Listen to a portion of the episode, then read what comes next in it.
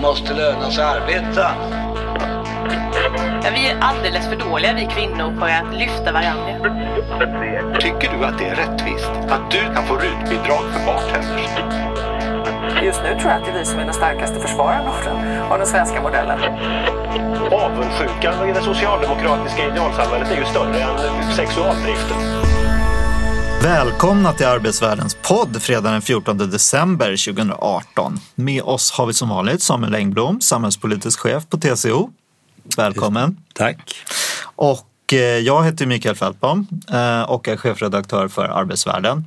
Och vi har en gäst idag, Karin Pilsäter, skattepolitisk utredare på TCO. Hej. Hej! Välkommen hit. Tack. Eh, Du har ju varit eh, tidigare ekonomisk politisk talesperson för Liberalerna, Folkpartiet som de hette då. Eh, Suttit i riksbanksfullmäktige, riksdagens skatteutskott, finansutskottet, näringsutskottet och varit statssekreterare till råga på allt. Ja. Eh, Vem bättre att eh, prata om budgetprocessen och vår nya budget än du? Ja, det kan man verkligen fråga sig. Eh, Jag har dessutom suttit med exempelvis i riksdagens eh, utredning om eh, budgetprocessens utveckling och så vidare. Så att just själva budgetprocessen är en del av den ekonomiska politiken som jag har intresserat mig lite särskilt för. Men du eh, har ju också pratat i sommarprogrammet i P1. Ja, det är en annan av mina stora Saga. meriter på CV. Ja, där pratade du om jämställdhet, om eh, Mary Wollstonecraft och om Botkyrka. Men du, du nämnde också att Magnus Uggla tydligen är eh, finansutskottets hovpoet.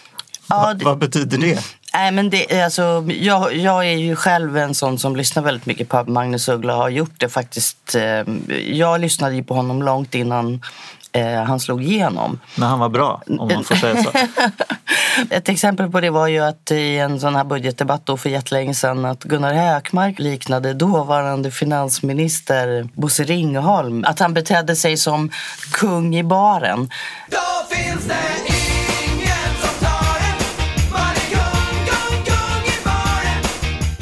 Det kändes lite långsökt kanske att just Gunnar Hökmark och Bosse Ringholm skulle varit figurer i Ugglas eh, menageri. Men i alla fall. Hörrni, vi ska ju prata om budgeten förstås. Säga någonting om vad det är vi har nu och hur det har kommit till och det här med servettskissen som det har omnämnts som.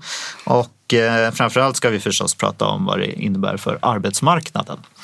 Sen ska vi såklart få en rapport från vår specialredaktion En jobbig värld som den här gången rapporterar direkt från Rosenbad.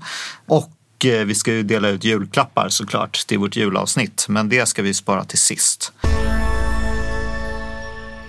Bra, vi ska prata om arbetsmarknadskonsekvenserna av budgeten. Men först kan vi prata lite om vad det egentligen är vi har nu. Ett beslut om utgiftsramar. Och vad händer sen? Hur blir det här till en budget? Ja, statens budget som är väldigt, väldigt omfattande. Beslutet om den tas i flera steg och det som man har gjort nu är att man har tagit det första som man kallar för rambeslutet. Eh, och då bestämmer man alla viktiga övergripande saker om budget, hur budgeten måste, liksom, inom vilka ramar budgeten ska finnas. Och de ramarna består ju då av eh, dels liksom hur stora blir statens intäkter. Och det innebär då att sådana saker som ändrar på skatteregler är då beslutade. Och hur mycket utgifter man får ha på de olika, det heter utgiftsområden, man kan kalla det för politikområden. Hur mycket får arbetsmarknadspolitiken, hur mycket får utbildningspolitiken, hur mycket får försvarspolitiken kosta liksom totalt.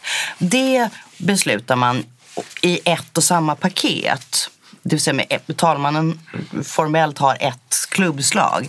Så då, då är det verkligen så här att man får välja vilket paket man röstar på. Det, och det är det går- vi har gjort nu. Ja, och då har man röstat på det paketet som, eller då har det vunnit det paketet som eh, Moderaterna och KD gemensamt hade framme. Och då går man tillbaka till. Och I år är ju processen dessutom så tidsmässigt hoptryckt. I vanliga fall är det ju betydligt mer som arbetstid emellan.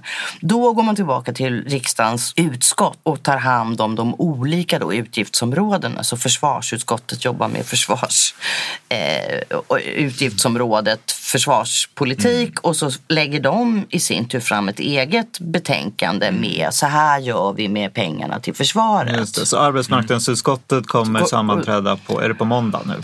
Ja, de har redan haft fler, ett, fler, eh, ett, ett antal, minst, Ja, minst två möten där de har behandlat då arbetsmarknadsbudgeten, utgiftsområde 14.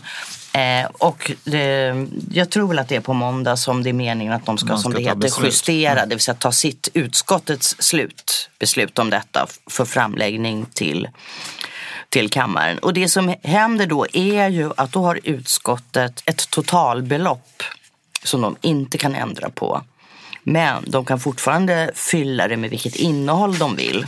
Och där är det liksom riksdagens eh, vanliga mandat som gäller förstås i arbetsmarknadsutskottet. Ja, inom utskottet så är Ja, det man ju har det. en Så- socialdemokratisk ordförande Ja, precis. Nej, just när det gäller det här med utskottsarbetet så är det så att det, på det sättet är det inte mm, som det oftast är i kommunerna. Det är inte så att regeringen alltid ha, eh, har utskottets ordförande på sin sida utan de är jämnt fördelade mellan opposition och eh, majoritetssida. Och just nu vet vi inte vilket som är vilket. Så att det finns alltid en ordförande och en vice ordförande. Jag tänker så här, för de, de, det är ju tre partier som på då, två partier som har lagt fram det här förslaget och så ett tredje parti, då SD, som står bakom det på något sätt. Eh, Så de har ju röstat på det, röstat för det. Men i utskotten så har ju inte de tre majoritet. Nej. Nej, eh, utan i riksdagen kommer de, det var fler som röstade för och röstade emot. Säg att man gör, vill göra en annan prioritering. Eh, eh, övriga partier vill i något utskott, socialförsäkringsutskottet Eh, där migrationspolitiken ligger till exempel, göra andra prioriteringar än vad M och KD gör. Kan de göra det då? Skulle liksom eh, S, V, MP, L och C kunna, kunna eh, säga att okej tack, vi vet hur mycket pengar vi har fått i det här utgiftsområdet men vi vill fördela dem på ett helt annat sätt än vad ni hade tänkt.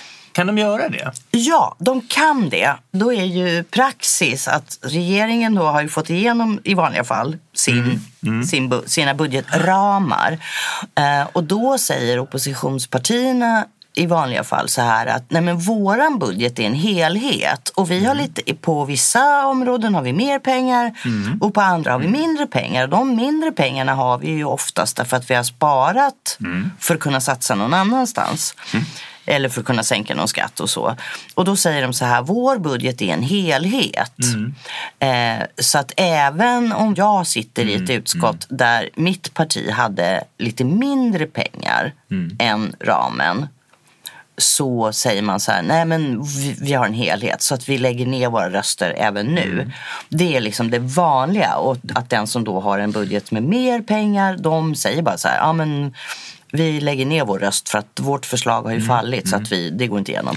Men det finns absolut ingenting i regelverket som hindrar att man då säger så här, det är ju själva verket så liksom, själva beslutsstrukturen är ju sån att då ska man säga okej nu börjar vi om, nu har vi fått våran ram, vad gör vi då med den? För det här är lite speciellt eftersom de rödgröna inte riktigt har någon egen eh, förslag. Utan de har gjort en övergångsbudget. Och, Ja. och sen också, jag menar SD har idag alltså en debattartikel i DN där de säger att de, det finns vissa delar eh, av den här budgeten som de har röstat igenom som de inte, de inte delar eh, liksom den bedömning man har gjort om hur mycket pengar som behövs på ett område. Och det är klart, finns det då pengar att flytta om eh, inom det området? De tyckte att det var för lite pengar på migration. Till var det så? Migrationsverket för lite Till pengar. Migrationsverket. Ja. Så skulle de kunna börja, alltså, börja leva eh, runt i utskotten och, och, och, Ja, eller i, alltså, ut- i ett visst utskott och flytta. Så att Men kommer det det här... skulle kunna eh, hända ja. saker under den Jo, den men- kommer- ja, Kommer det här det- som utspela sig tror ni? Det, nej men det vet vi ju i dagsläget faktiskt verkligen ingenting om. Eh, men det här är ju ett nytt läge. Det har ju aldrig hänt förut att det ligger en så kallad övergångsbudget. Eller det vill säga en budget som är lagd av en övergångsregering och sånt där. Men det innehåller ju alla gamla politiska prioriteringar. Men det innehåller inga nya politiska prioriteringar. Så att på det sättet är det ju ett nytt landskap också för hur ska man själv göra då? Och sådär. Så det finns ingenting i något regelverk eller för den delen någon praxis som säger att att, att man inte skulle kunna liksom försöka hitta eh, nya. Då måste man ju så- gå in i en förhandling och så säga, lägga sina egna saker åt sidan. För att man kan inte hålla på då och plocka lite hit och lite dit. Utan det måste ju vara ett förslag som får majoritet då. Och det är väl det som ofta också hindrar. Att det kan gå att hitta en bredare majoritet för en specifik Ja, ja. satsning. Man måste ta allting men då måste man ha ett gemensamt Så- paket. Så om vi tänker oss en sån, en, om vi tar kulturpolitiken till exempel. Om jag har förstått det rätt, väldigt ganska lite pengar som det handlar om när det gäller det här gratis inträdet för statliga museer. Och det, man- mm. ja, och det är 80 miljoner. Ja, det- och jag får att det är var- 80 miljoner, det är klart. Och det var ett stöd till kulturskolan som var 100 miljoner. Det är ganska små pengar i de här sammanhangen. Men då är det inte så att man i utskottet kommer att sitta, sitta så här, okej, nu kör vi kulturskolan. Och sen så, utan du måste du ha ett alternativt förslag Ja. som, med alla anslagen. Och det är, som- klart att de, då, det är klart att de skulle kunna ta de, de partier som vill kan ju naturligtvis gå in i ett helt annat rum och ha en sån där, ja hur mycket så, liksom och auktionera ut de olika anslagen och sen komma tillbaka med ett gemensamt Ja. paket. Det kan de göra. Jag har inga indikationer på vare sig det ena eller det andra men alltså de kan det. Det är fullt möjligt rent tekniskt. Det är helt i enlighet med liksom lagens förarbeten och så vidare. Alltihopa det här. Och det finns ingen praxis på vad man gör med en övergångsbudget. Men då måste man liksom komma överens om hela kulturbudgeten. Det hela måste komma Ja, överens. men och det är där det stöper då. Men det, det finns exempel på Men, när eh, detta har hänt. Och det är också så att utskottet måste inte göra av med hela ramen. Det är högst. Eh, det finns ju ett exempel på någon sån här eh, Ja, det kallades ju för att det var bara liksom en sån här, att det var lite av en, av en hämnd mot eh, alliansregeringen att Socialdemokraterna, V och MP och SD gick ihop i konstitutionsutskottet och drog ner anslaget till regeringskansliet så att man inte utnyttjade hela budgetramen ut, men, men så att säga drog in pengar ja, de facto verkligen för regeringen bokstavligen. Okej. Så man kan jäklas lite grann. Men den här MKD-budgeten som vi har nu, eh, eller som vi kanske har nu. Hur mycket vet vi om den? Du har varit inne på att eh, man borde få veta mer därför att den finns ju inte riktigt detaljerat eh, Nej, det här- formgiven så att säga. Tror du att den finns överhuvudtaget eller sitter man just nu och, och eh, hamrar ut den? Eller hur Nej, ser det det ut spekuleras ju om det. Men jag tror att i vanliga fall så är det ju så att en budgetmotion, eller en budgetproposition, även att man fattar besluten i den här ordningen så är det ju så Mm. att vad man har tänkt fylla eh, utgiftsramarna med, det har man ju redovisat, så det Mm. vet man ju.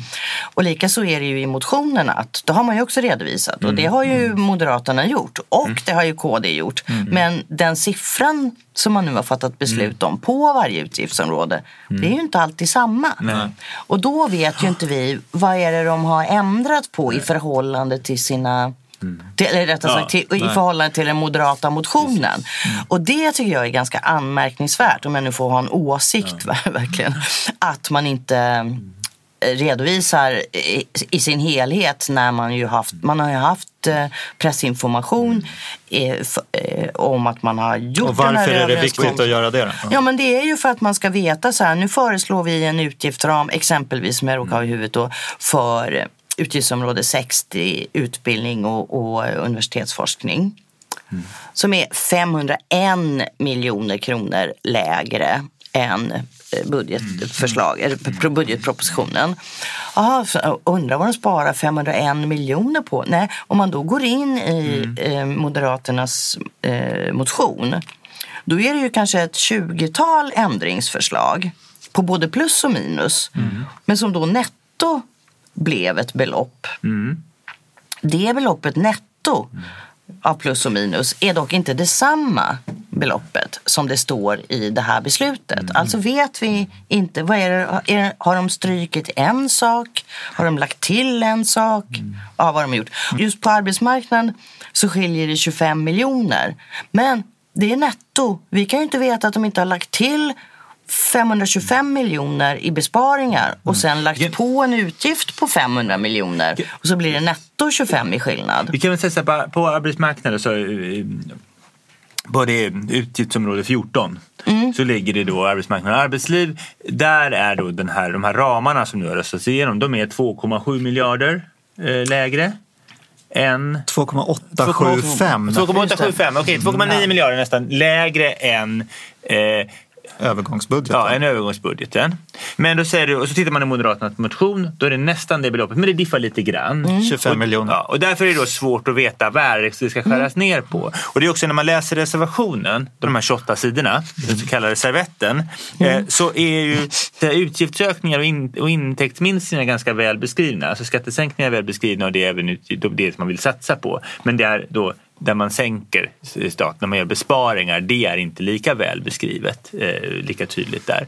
Och då har det ju gått de senaste dagarna massa rykten om vilka myndigheter som ska få neddragna inslag och vilka som Ja. ska försvinna och sånt här. Va? Eh, men då vet vi alltså inte riktigt hur det här kommer se ut än. Nej. Nej. Och, men då kan ändå utskotten göra en del. För jag tänker, om vi tar, eh, vi tar arbetsmarknadspolitiken och vi tar Arbetsförmedlingen som exempel. Så där har ju då myndigheten själva larmat eh, kring vad Moderaternas budgetmotion skulle innebära för dem. Och säger- 4 500 4 500 jobb ska försvinna. Mm. och jag, som jag förstår det också så har då generaldirektören blivit kallad till utskottet för att förklara liksom, vad skulle det här få för konsekvenser så, om, om, man, om man gör så här. Men då vet vi inte om det är den moderat besparingen som låg i Moderaternas budget som gäller. Sen är det så, apropå att, att utskottet kan förändra saker, att eh, man tittar på Arbetsförmedlingens budget som då är mm, 76 miljarder eller något sånt där. Var där flest, det mesta då är alltså inte pengar till Arbetsförmedlingen utan det är a-kassemedel. Eh, den den eh, består av olika anslag. Förvaltningsanslag och programmedel och sånt där. Det skulle man kunna börja flytta runt mellan i, i, i utskottet då för att till exempel liksom dämpa en del sådana här, såna här effekter. Men det här visar ju då att å ena sidan det finns då, vill du förändra en regel, liksom en lagregel, ja då finns det ett beredningstvång på det och det ska liksom få ske i en viss ordning, man kan inte göra vad man vill. Men däremot så kan du skruva i en myndighets anslag, vilket kan få mm, eh, större konsekvenser egentligen. Så myndigheterna är, möjligt ganska utsatta. Vi hade, hade vi haft Britta här så hade hon kunnat berätta om det. Ja, jag Mm. kan, de, de jobbar ju säkert hårt nu på, på våra vänner Mm. på fackförbundet SD kring, kring just den frågan. Ja, och det kan ju vara för att ehm, eh, det kan ju uppstå så att säga, problem i flera led. För det är klart, det finns ju ingenting som hindrar formellt alltså. Det finns ju ingenting som hindrar en regering från att i sin budgetproposition göra ganska halsbrytande snabba förändringar heller. Men då finns det ju en helt annan eh, process i att det här kan det larmas om. Och det blir ju ändå rent tidsmässigt åtminstone lite längre framförhållning även om man formellt inte kan, vet, kan börja jobba förrän man får regleringsbrevet då mellan jul och nyår. Om vi kollar på arbetsmarknadsområdet då. Eh, nu var det ju 2,875 miljarder eh, mindre än i övergångsbudgeten och det överensstämde ju väldigt väl med Moderaternas budget. Och det ryktas väl att, eh, jag läste det i arbetet i alla fall, att det är Moderaternas budgetmotion som ligger till grund, liksom, förutom de här 25 miljonerna som antagligen är den här nedskärningen i Arbetsmiljöverket som inte blir av. Då. Eh, Men, Ja, det är ju precis, det är ett typexempel då. Det är sannolikt så Ja. att eftersom det diffar på 25 miljoner och det finns en post på 25 miljoner så är det sannolikt att det är den. men man kan inte Men tänk så mycket snyggare det skulle ha varit om det här hade varit Ja, öppet. det, det som blir offentligt då från riksdagens sida så att säga på onsdag. Varför kunde inte det få vara offentligt redan idag? Så vi behövde se- slippa gissa. Men om vi, eh, om vi gissar lite och vi utgår från Moderaternas budgetmotion på arbetsmarknadsområdet. Vad vill ni lyfta fram där? Vad är de stora grejerna som kommer hända? Nej men det är ju framförallt Arbetsförmedlingen. Eh, det är en stor besparing man får, får ta. Liksom. Sen ska inte jag liksom, säga att jag har granskat eh, myndighetens egna uppgifter om att det skulle innebära fyra, som att säga upp 4 500 personer. Men, men det är klart, det är, det är, en, det är en stor skillnad. Och eh, det är ju inte verksamhet som enkelt ersätts av någon annan utan då innebär ju det att, att de som har svårt att komma in på arbetsmarknaden, vilka är de som finns hos Arbetsförmedlingen idag, de kommer få mindre insatser. Eh, det man läser i, i reservationen, där finns det skrivningar om att Arbetsförmedlingen ska då ännu mer koncentrera sig på de som står längst bort. Eh, men det är inte så att Arbetsförmedlingen idag tillhandahåller en massa tjänster till människor som står nära arbetsmarknaden. Det är, liksom, det är en väldigt, det jag reagerar när jag såg den skrivningen. För det är inte så mycket som går att ta bort där. Va? Eh, så så det, det, det är fortfarande svårt att överblicka de, de konsekvenserna.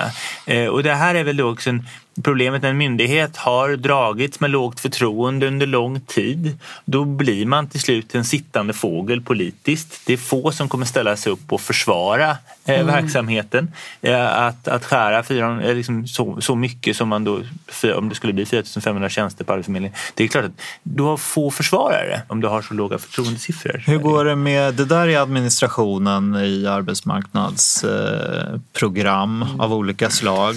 Extra tjänster, subventionerade anställningar. Det verkar närmast vara någon sorts frysning av nivåerna där om jag förstod den där rapporten rätt. Har ni koll på det där? Det som är svårt när det gäller eh, arbetsmarknads, alltså olika typer av arbetsmarknadsinsatser, framförallt olika typer av subventionerade anställningar, det är att det finns så många olika och de är ganska lika varandra.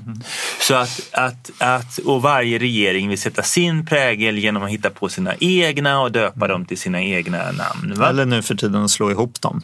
Ja, man kan slå ihop och dra ut. Och man kan, ja, man kan göra. Och det, därför Mm. så är det där konsekvenserna. För det är klart, det finns liksom, de, de kompletterar ju varandra. De där. Jaha, då drar vi ner. Då tror jag att vi ska dra ner på den här insatsen. För den har bär Mm. Ja, det har ju varit mycket kritik regeringen. mot extratjänsterna Ja, till det exempel. varit. Som Och en, del av den är eh, helt, fuskanställning. liksom, eller liksom att man ska Att det hamnar, går till fel grupper. siffrorna. Att det går också, Ja, jag tror jag, kanske den viktigaste kritiken hade varit att det har gått till en del grupper som kanske inte är de står längst från arbetsmarknaden. För att, och det blir ju så, när man, om man, det här har ju också funnits ett ganska starkt beting på Arbetsförmedlingen att få ut folk i den typen av insatser och då är det en sån risk.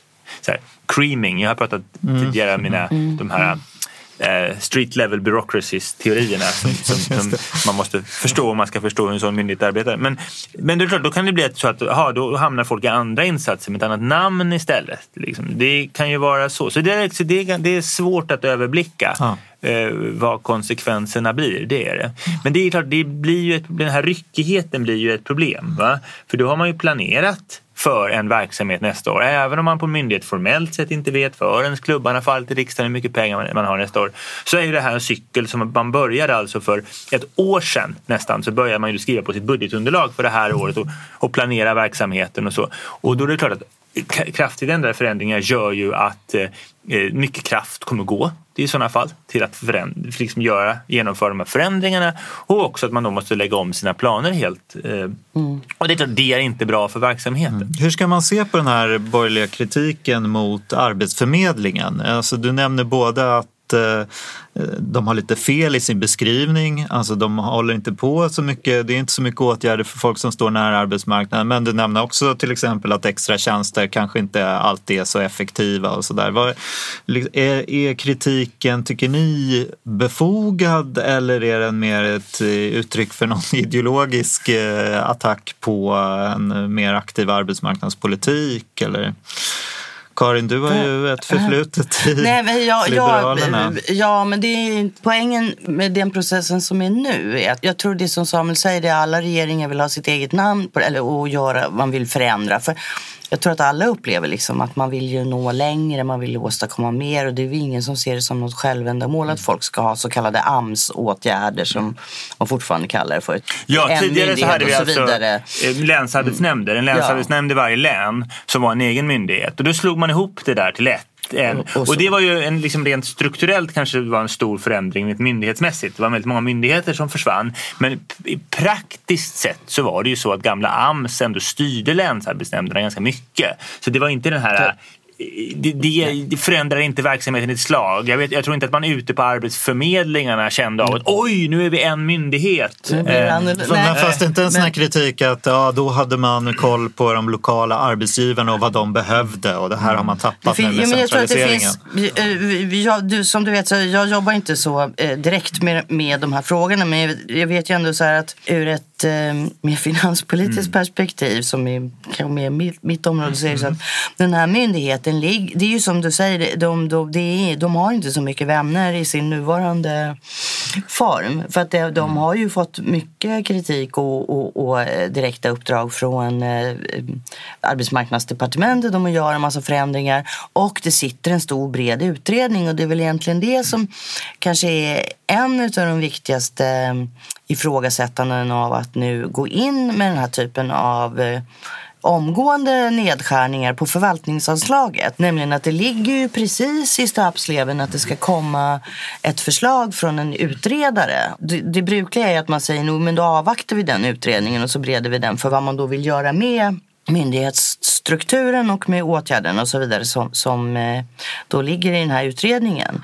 Och även då eh, den majoritet som nu har röstat igenom den här ramen de vill ju också ha en eh, stor omstöpning utav hela liksom, myndighetens funktionssätt.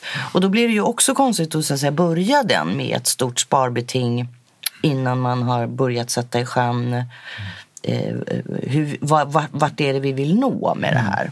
Hörni, om vi lämnar Arbetsförmedlingen. Det finns ju en liten annan sån här fråga i den här jämställdhetsmyndigheten. Kommer det iscensättas en räddningsaktion för den eller vad kommer, kan man göra det? Eller hur kommer det där utspela Ja, sig det vet ni? vi ju ingenting om. Där- Nu, nu har, det är ju en sån här grej som i alla fall de har, har bekräftat att eh, i det förslag som kommer att komma fram eh, med tiden då, eh, med tiden inom några dagar. Så ligger det en, på en strypning av de anslagen med sikte på att dra in det helt och hållet. Jag har ingen prognos, men ett tips till de som sitter i arbetsmarknadsutskottet är ju att de på det utgiftsområdet, då, det är inte samma som eh, arbetsmarknadspolitiken utan det är ett eget och jämställdhet och, och integration, eh, så finns det ju möjlighet att eh, gå ihop om, och, om ett alternativt förslag där man inte stänger ner den här myndigheten. För då vet vi ju det att den... Men då behöver de gå ihop om ett gemensamt förslag på Yes. alla områden. På det Ja, på utgiftsområdet. det utgiftsområdet. Eh, vilket känns som en ganska stor... eh, Det är ingen liten förhandling, tänker jag, om V, S, MP, C och L. Alltså om de inte lyckas få ihop en regering med de fyra av de fem partierna så, så känns det där, det där är ingen lätt sak att göra. Nej. Men, vet, vet du vad ja, jag skulle göra? ja. Mm. Jag, jag, det här är bara ett så här rent hypotetiskt. Om jag var ledamot i eh, arbetsmarknadsutskottet Mm. och tyckte det var viktigt att den här myndigheten får komma igång. Den startade ju första januari i Mm. år. Om jag tyckte att det var viktigt att den skulle få komma igång och fortsätta och utvecklas. Mm. Då skulle jag tänka så här att ja, men istället för att jag lägger ett särskilt yttrande där det står att eh, ja, mitt budgetförslag är en helhet och bla bla bla. Så skulle jag tänka så här, ja men mitt budgetförslag är visserligen en helhet som inte är exakt den samma helhet som de här andra.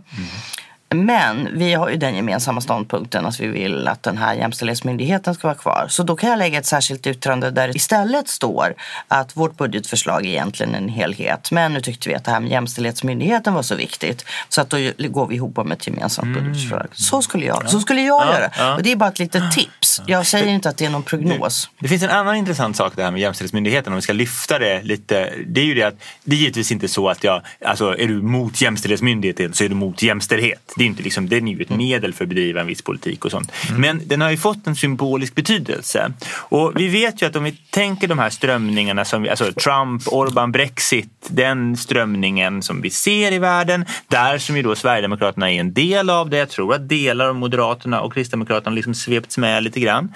Eh, en viktig del där, förutom då eh, man liksom kritik mot, mot eh, invandring och då i vissa delar inslag av, av liksom, tydliga inslag av, av främlingsfientlighet, det är ju ett, ett, en uppfattning om att jämställdheten har gått för långt va? i någon sorts diffus mening ofta.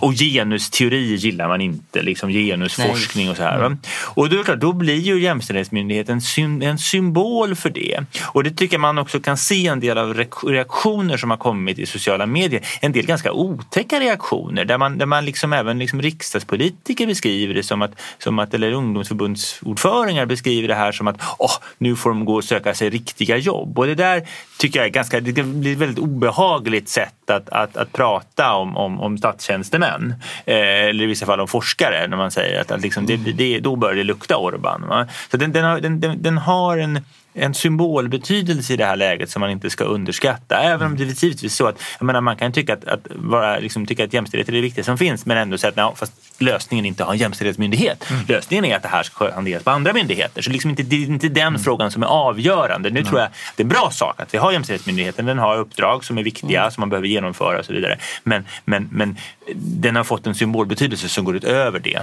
Ja. ja, man kan väl till och med säga att det är liksom, alltså i det här försöket att undergräva förtroende för myndigheter och forskarvärlden så spelar ju det här en stor roll. Liksom. Att det ska vara att det är PK liksom, myndigheter och PK-forskning och så vidare som eh, används för att undergräva förtroendet för institutioner, tänker jag. Jag, jag är ganska övertygad om att de flesta som eh, nu vill lägga ner den här myndigheten har väl den bilden av att det här är så att säga, någon sorts opinionsbildar, statlig opinionsbildarverksamhet i en riktning som, och, och som har i uppdrag att tycka någonting som inte de tycker. Men den här myndighetens uppgift är inte alls liksom att vara folkuppfostrare. Eh, däremot exempelvis så ska man ju samordna och utveckla arbetet mot hedersvåld. Eh, och andra sådana konkreta eh, eh, arbeten som sker ute på många myndigheter. Så att det får ju konkreta effekter ganska direkt om den skulle läggas ner. TCO var inte ens eh, så entydigt för att det var en sån här myndighet man skulle ha. Men nu när den finns och har kommit igång så, så rycker det lite undan mattan för många olika typer av jobb på den här sektorn. Så det är ju det är därför jag menar lite också att, att där skulle man ju kanske då över, över partigränser som på andra punkter är lite mer svårjobbade eh, kunna gå ihop. Både för, för att göra en konkret räddningsinsats men också för att visa att det, det finns ett brett ett bredare stöd för en annan, att en annan linje är möjlig än den här som du kallar lite urbaniseringen.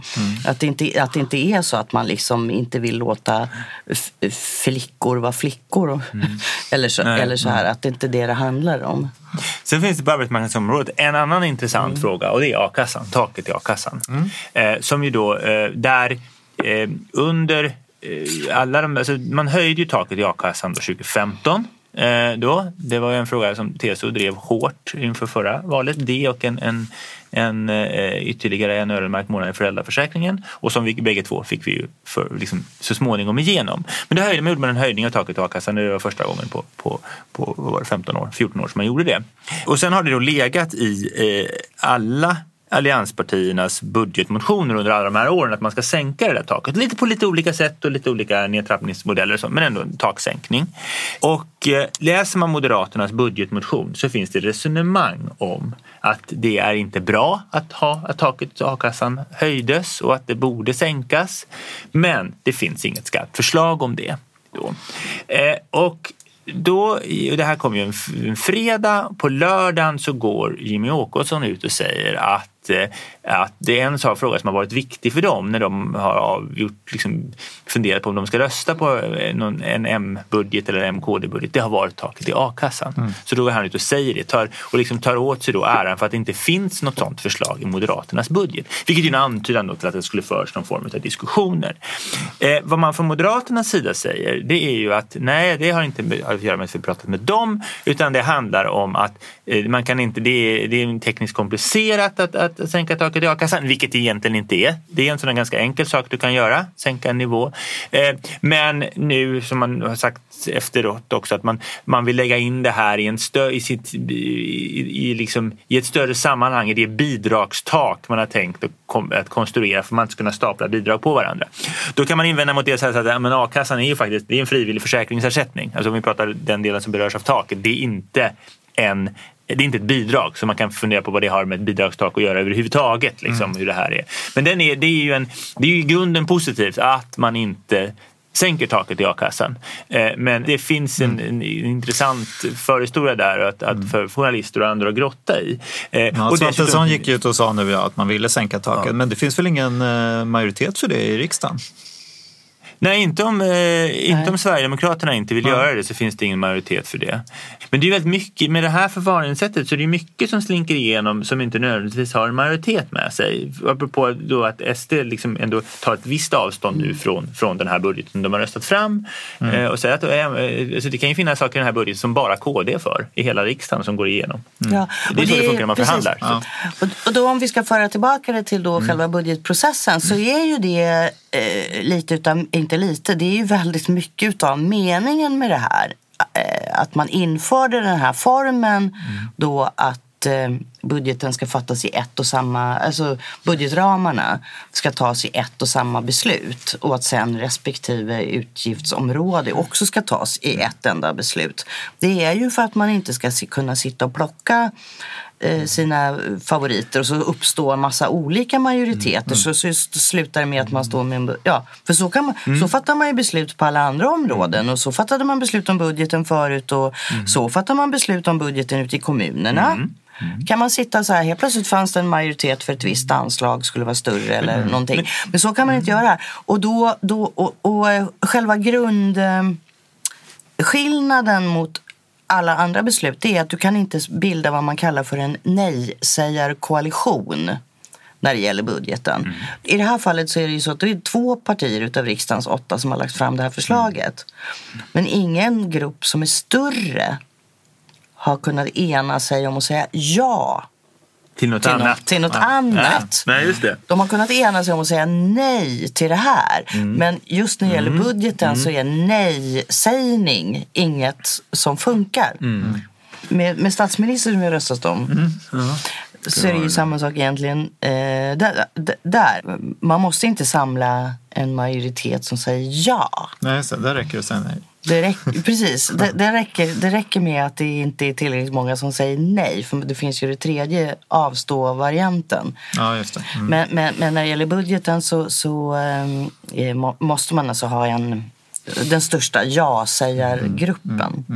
Hörrni, en sak till som nämns i de här budgetmotionerna är ju det här med inträdesjobben. Det är ju det gamla alliansförslaget om att eh, man ska ha en eh, av politikerna bestämd egentligen då lön för vissa typer av anställningar som är 70 procent av den avtalade lägsta lönen. Och så ska man då arbetsgivaren ansvara för någon sorts utbildningsinslag som står i kontrast då till parternas uppgörelse om etableringsjobben.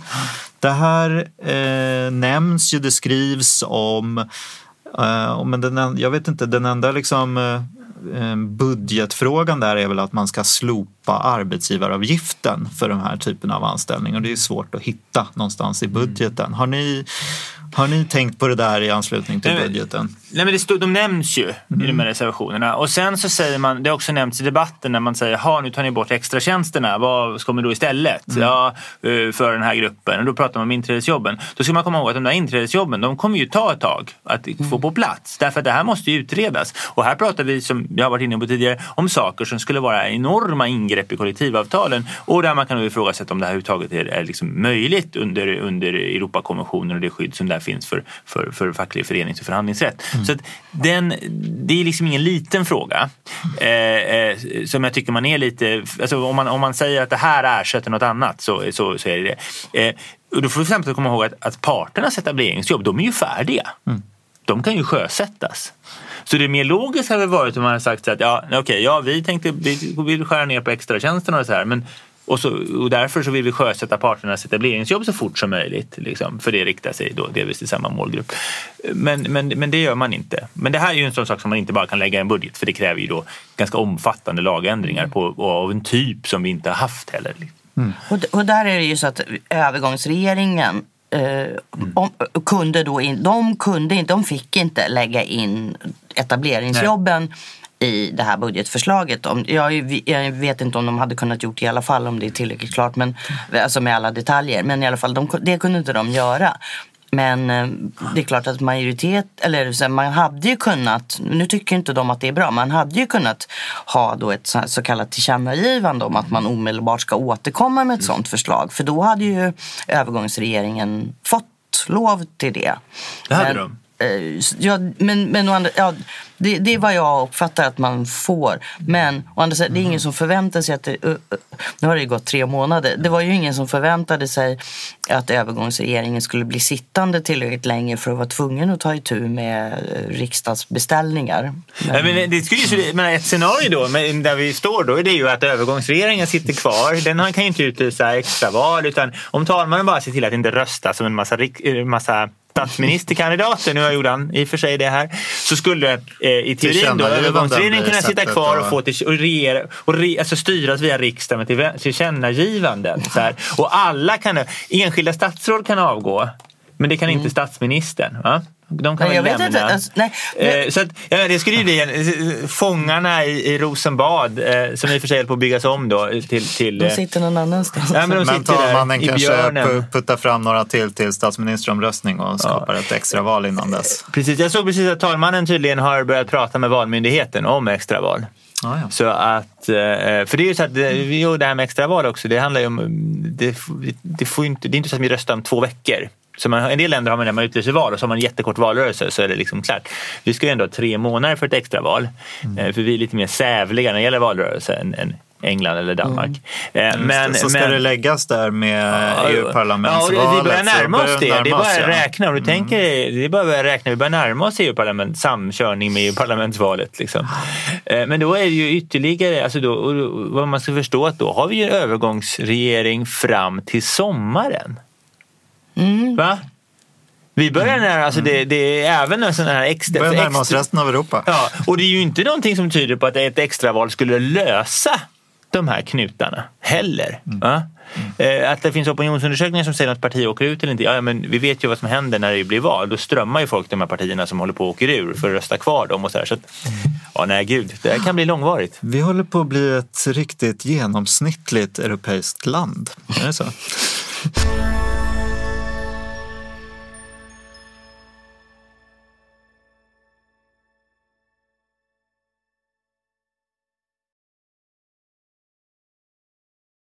Arbetsförmedlingen, eventuellt då kommande sänkt tak i a-kassan. Det låter ju inte klockrent om man nu ser till att vi går in i någon sorts eh, om det nu är så att vi liksom, det sker någon sorts avmattning av konjunkturen. Alltså, Arbetsförmedlingen kom med sin prognos häromdagen eh, på konjunktur. Och då säger de så här, där vi står på, alltså, den internationella konjunkturen är liksom på toppen och det är även den svenska. Så att avmattningen kommer. Men den här, deras prognosen går fram till 2020. Det de att vi går inte in i någon sorts recession. Men, men liksom tillväxten minskar, jobbtillväxten minskar. Men en sak som håller tillbaka jobbtillväxten är brist på arbetskraft. Alltså, om du pratar om den offentliga sektorn, att, de inte, att, till, att, de inte, att, de inte, att jobbtillväxten minskar där handlar, nog- handlar inte om att den får mindre pengar. Utan det handlar också om att det finns liksom inte, helt enkelt inte folk att rekrytera. Eh, men, och arbetslösheten stiger men det beror på dels då, liksom, delvis då på den här avmattningen men också på att det kommer in fler på arbetsmarknaden. Ett ökat arbetskraftsdeltagande och det är i grunden någonting bra. Eh, så att arbetsma- men arbetsmarknaden håller liksom på att mjuklandar kan man säga. Eh, sen känns det som. Den är liksom, det, vänd- vi har passerat liksom toppen och så eh, liksom började gå neråt.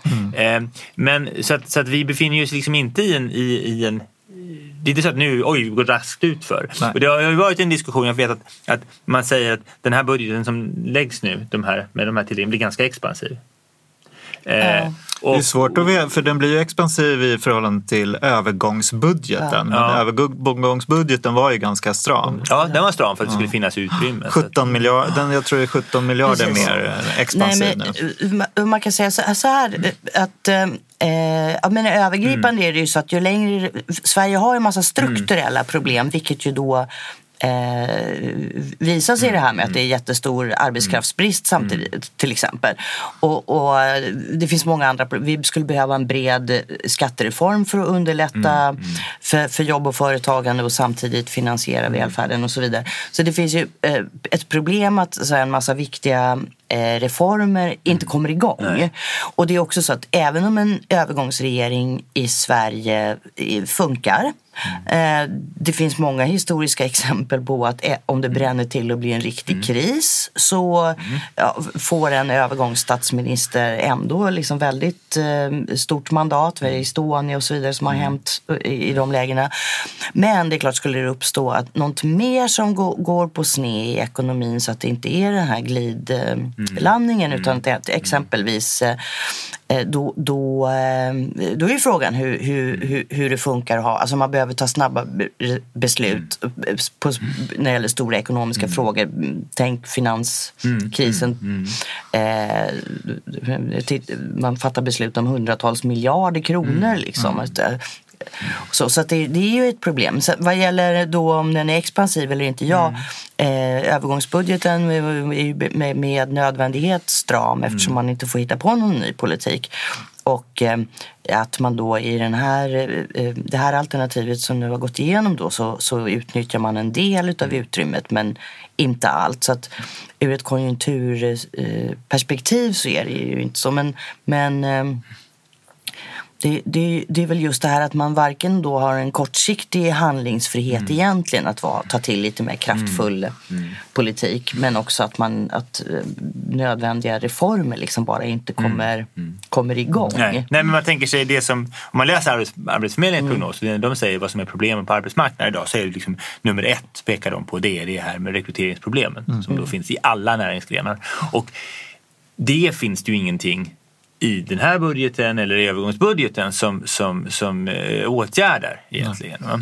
Och där är det ju, det är klart, det, det blir, man kan också säga att nu har man ju intecknat en del av utrymmet framöver om vi tänker på skattereformsfrågan, typ att man gör, ändå, man gör ett jobbskatteavdrag till, det är ganska typ av stora förändringar som kanske inte nödvändigtvis gör det lättare att göra en skattereform sen. Liksom. Ju mer man kan, därför att det är klart, då är det, då är det en skatteförändring till som kanske då måste tas tillbaka. Det finns, det finns, det, det, det, nej, det, det är kanske det som är den stora risken, att vi, inte, vi kommer inte igång med, med reformer. Är den problematisk den här, den stora skillnaden är ju den här eh, jobbskatteavdraget, 10 miljarder ungefär. Eh, är det inte ändå lite, eh, alltså svenska, alla, hela politiska fältet är så enat om det här överskottsmålet så att det som skiljer blocken åt är kanske de här 10 miljarderna ungefär.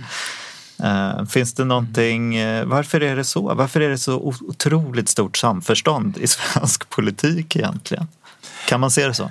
Fast, fast grunden, i grunden är det något sunt att det inte är någon som liksom hittar på egna pengar och lägger sig vid sidan om eh, och, och lovar guld och gröna skogar. Nu har det Nej, men man funnits- kan- alltså, man kan ju funnits tycka olika om eh, överskottsmålet. Det finns ju, menar, för det finns ju vissa partier som, som traditionellt sett i vart fall har, liksom har för dem har, har immigrationspolitiken varit en särimner som kan slaktas och få eh, och där finns det massa pengar att hämta så kan de göra. Men, men så det finns ju grund att man håller sig till samma ramar är ju grund och botten ganska sunt. tror Och det är bra att man räknar på ungefär samma Ja. sätt.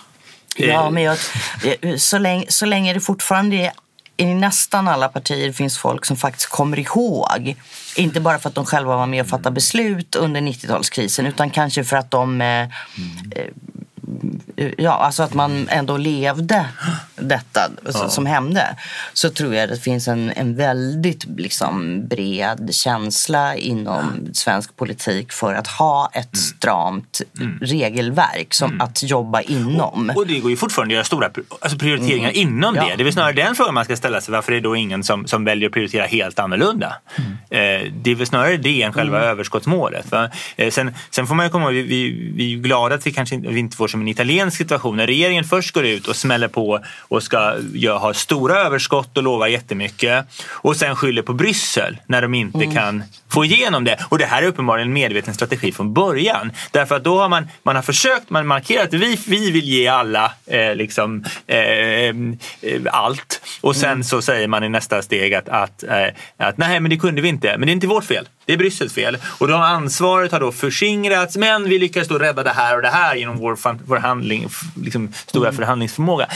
Det är ju inte heller en bra situation.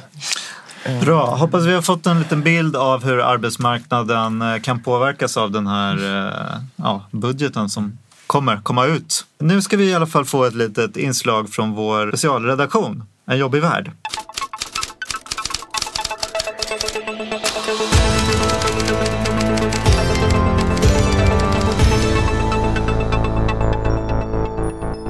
Nu byter regeringskansliet namn till Rosenbad Spa och Retreat. Anläggningen på Norrmalm renodlar sitt koncept mot stressreducering för yrkespolitiker.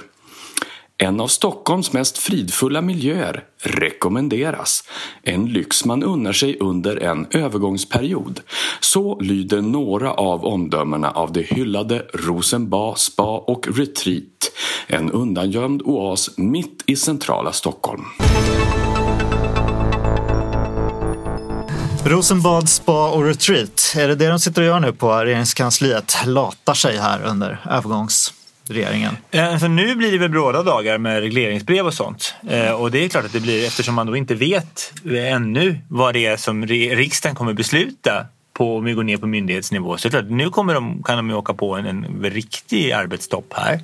Men klart, under hösten så har det pratats om att, att man har haft mindre att göra än vanligt. Eh, Man skrev den här budgeten och sen fick man liksom eh, vänta. Eh, så där har ju arbetstempot gått ner. Vad jag hör också är att, att många har ju då, eh, repar ju sina dragningar för inkommande statsråd och statssekreterare. Så de kanske kommer vara jättefinslipade med, med snygga powerpoint-bilder och sånt här. Va? Just det. Eh, sen är det också så att de... Vilken de rivstart för en ny regering. De Ja, men alltså- allt tipptopp. Liksom. Ja, eh, sen så ska vi komma ihåg att det finns ju, så det statliga utredningsväsendet tickar ju på.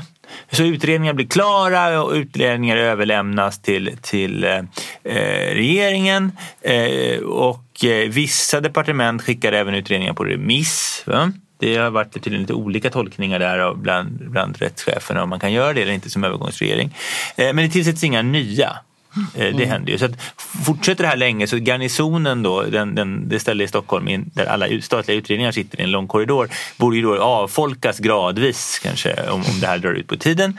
Eh, Däremot de här eh, utredningarna som departementen gör själva, de här DS, som, departementspromemoriorna, som, som då, de kan ju bli klara men de kan inte publiceras. Utan då får, för det kräver då en regering som skickar ut den där. Så de, de, de, sådana läggs ju då färdiga för tryck va? på hög i, i regeringskansliet. Eh, så det finns ett antal, och apropå då att, att, att liksom reformtakten stannar av i det här läget så, så är ju det någonting som kommer hända. Det är inte, man, man kommer inte igång med arbetet med stora reformer men det kan ju också bli att en del reformer som man har hållit på med faktiskt inte liksom blir av, eh, blir, st- stoppas upp. Va? Och nu när vi börjar räkna Ja, framåt de kan ha det lite månader, soft fram till sommaren då, kanske. Ja, ett extraval skulle vi göra. Då vet vi att det här har ju förlängt allting med minst Mm. fem månader skulle jag säga. Eh, Ja. Och, kanske en, och utan att det kanske ger en lösning heller. Nej, men det var ju det någon som hade en beräkning där då på om det ska bli extraval i samband med eh, Europaparlamentsvalet. Ja, då blir det liksom, slutar det med att det är regeringsförhandlingar lagom till midsommar. Och, och så blir det inget ändrat eh, egentligen i grunden i mandatfördelningen. Ja, då kanske vi står där och, och så går folk på semester och så, ja, så rullar det på. Vi får se om vi får se tjänstemännen bada i isbak där Ja. utanför Rosenbad i vinter. Hörrni, eh, vi ska avsluta med att dela ut lite julklappar, eller hur? Ska jag börja den här gången? Ja. Jag läser ju nu en bok som heter eh, Nya Norrland Eh, och är en serieroman av Mats Jonsson. Han har ju ritat i Aftonbladet och Arbetet och har skrivit de här Hey Princess och Mats Kamp. Det är väldigt så här självbiografiska eh, böcker om hans eget liv. Eh, och jag tänkte att den här, den här var en så bra present till Samuel som ju bor i de södra förorterna. Det är en present till alla som bor i de södra förorterna kan man säga. Eh, Du bor i Mälarhöjden. Eh, Mats här i boken bor vid eh, telefonplan, eh, Midsommarkransen. Eh, Och det handlar då om eh, dels någon sorts eh, skuld över att bo i ett gentrifierat område. Men det handlar väldigt mycket om Sveriges utveckling. Alltså han beskriver hur hans föräldrar när han var liten flyttade till Bollstabruk och hur eh, han jobbat på sågen där och en klassresa liksom från eh, ja, en samisk bakgrund och så vidare. Men hur nu Bollstabruk och Ångermanland avfolkas och eh, det blir ödsligt och det läggs ner. Liksom, eh, folk försvinner därifrån trots att sågen går bättre än någonsin och omsätter miljarder naturligtvis.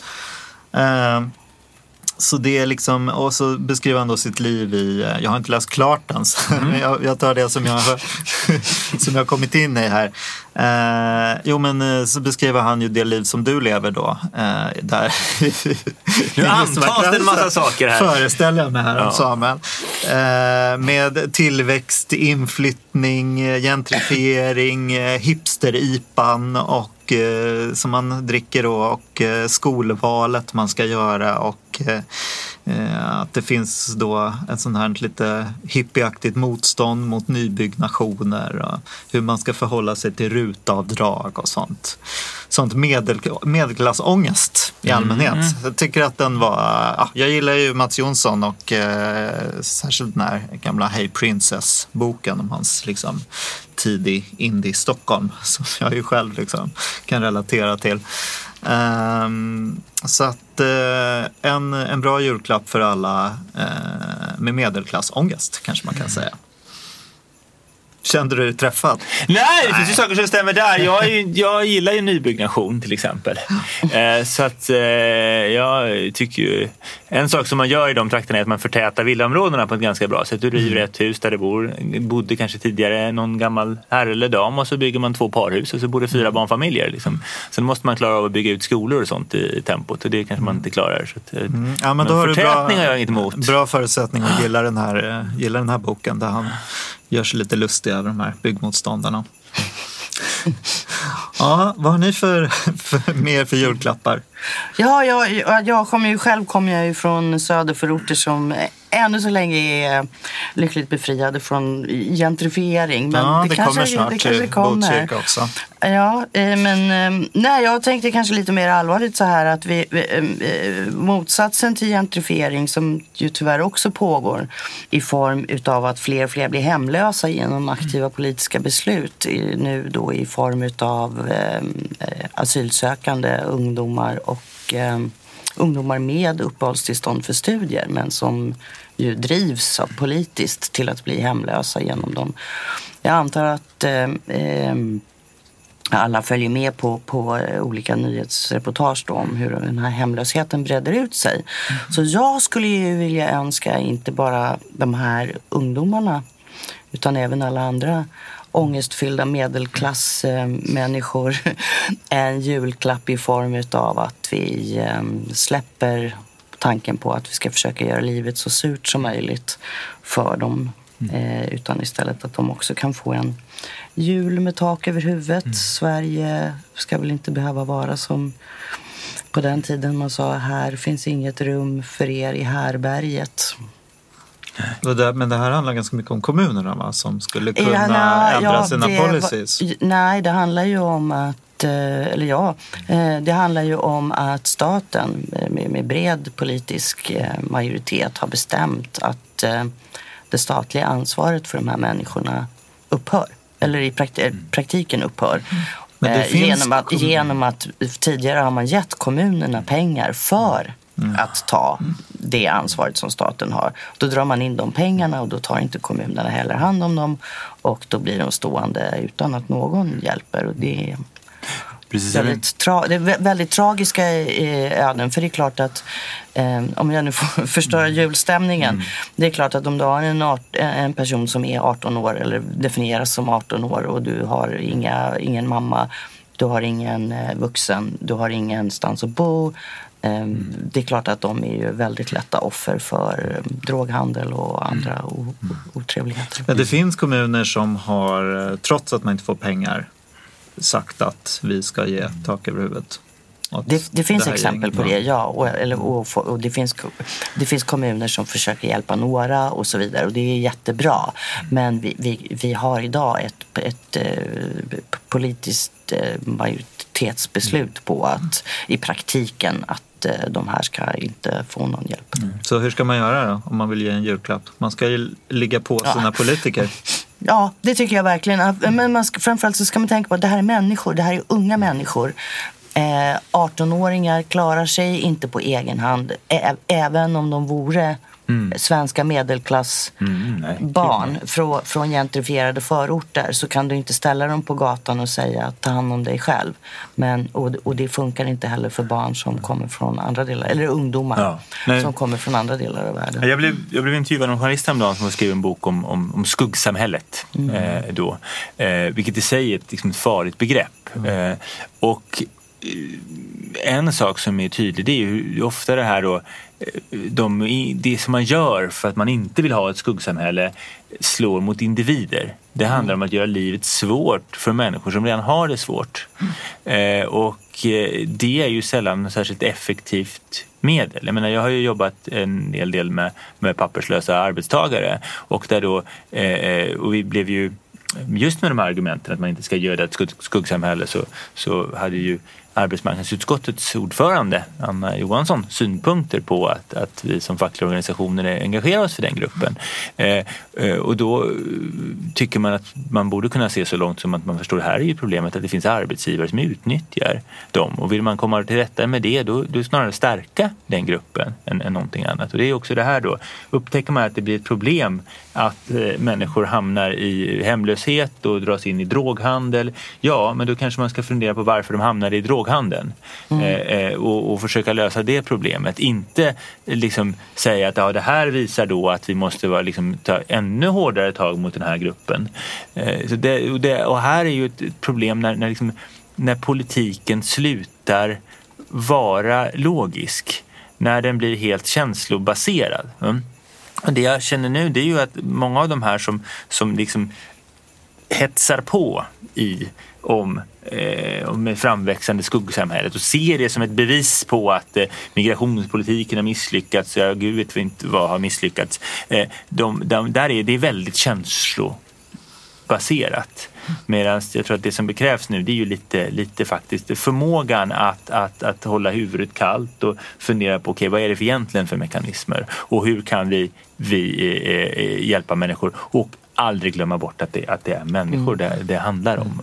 Det, Vi skulle hitta ett bättre ord än skuggsamhälle. Ja, eh, därför att det handlar ofta, ofta är det inte heller skuggor utan det här är ju om vi tittar på man, man arbetar i, i, på de restauranger och kaféer dit människor går, på de byggen där människor sen kommer att bo. Alltså det är ju liksom, vi ska komma ihåg att det mycket handlar om, om, om det. Det är inte att det här är någon sorts separat del av samhället på det viset. Den är ju integrerad med det vi, vi, vi andra lever i.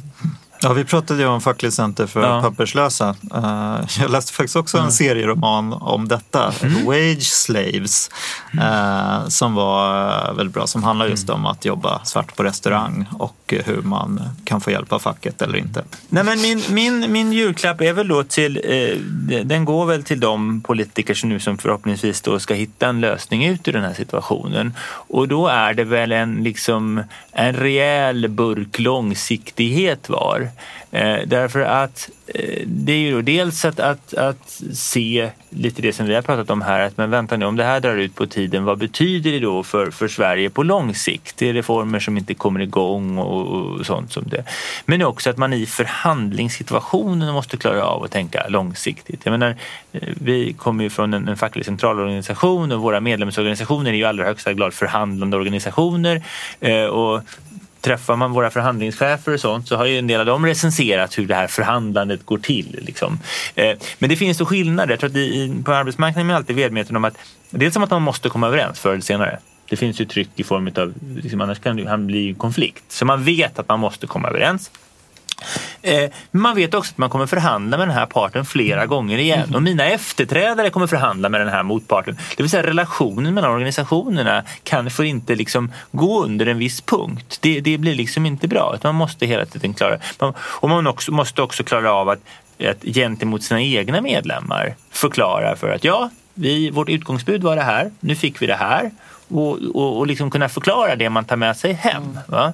Eh, och jag tror det, just de där insikterna skulle vara bra om, om, om även de här politiska förhandlingarna är större, i, i större utsträckning. Att man tänker långsiktigt. Det handlar om att långsiktigt vårda både din liksom, relation med de, dina motparter men också relationen med, med eh, väljarna eh, och med de egna, liksom, de egna medlemmarna i partierna. Att man tänka några steg längre tror jag skulle vara vara eh, bra att göra i, i de här förhandlingssituationerna. Hur gör vi det här till en julklapp då? Är det ett Nej, schacks, men- schackspel eller? Nej, det, var ju, nej, det är ju inte schackspel. Jag sa, det är den här, den här burken med, med eh, långsiktighet som du väl får smeta in dig med eller goffa i dig på, på eh, julaftonsnatten. Okej, det är en cola och handkräm i ett som, Ja. som andas långsiktighet. Precis. Perfekt julklapp känner jag. Hörni, eh, då är det slut och eh, vi ska önska god jul och gott nytt år och så här. Och säga att man ska lyssna på oss eh, i sin poddspelare och prenumerera så man inte missar några avsnitt. Och vi kan passa på att tacka Anders Ljung också som har klippt avsnitten. Bra! God jul, gott nytt år och God på jul. återseende i januari. God jul, gott nytt år!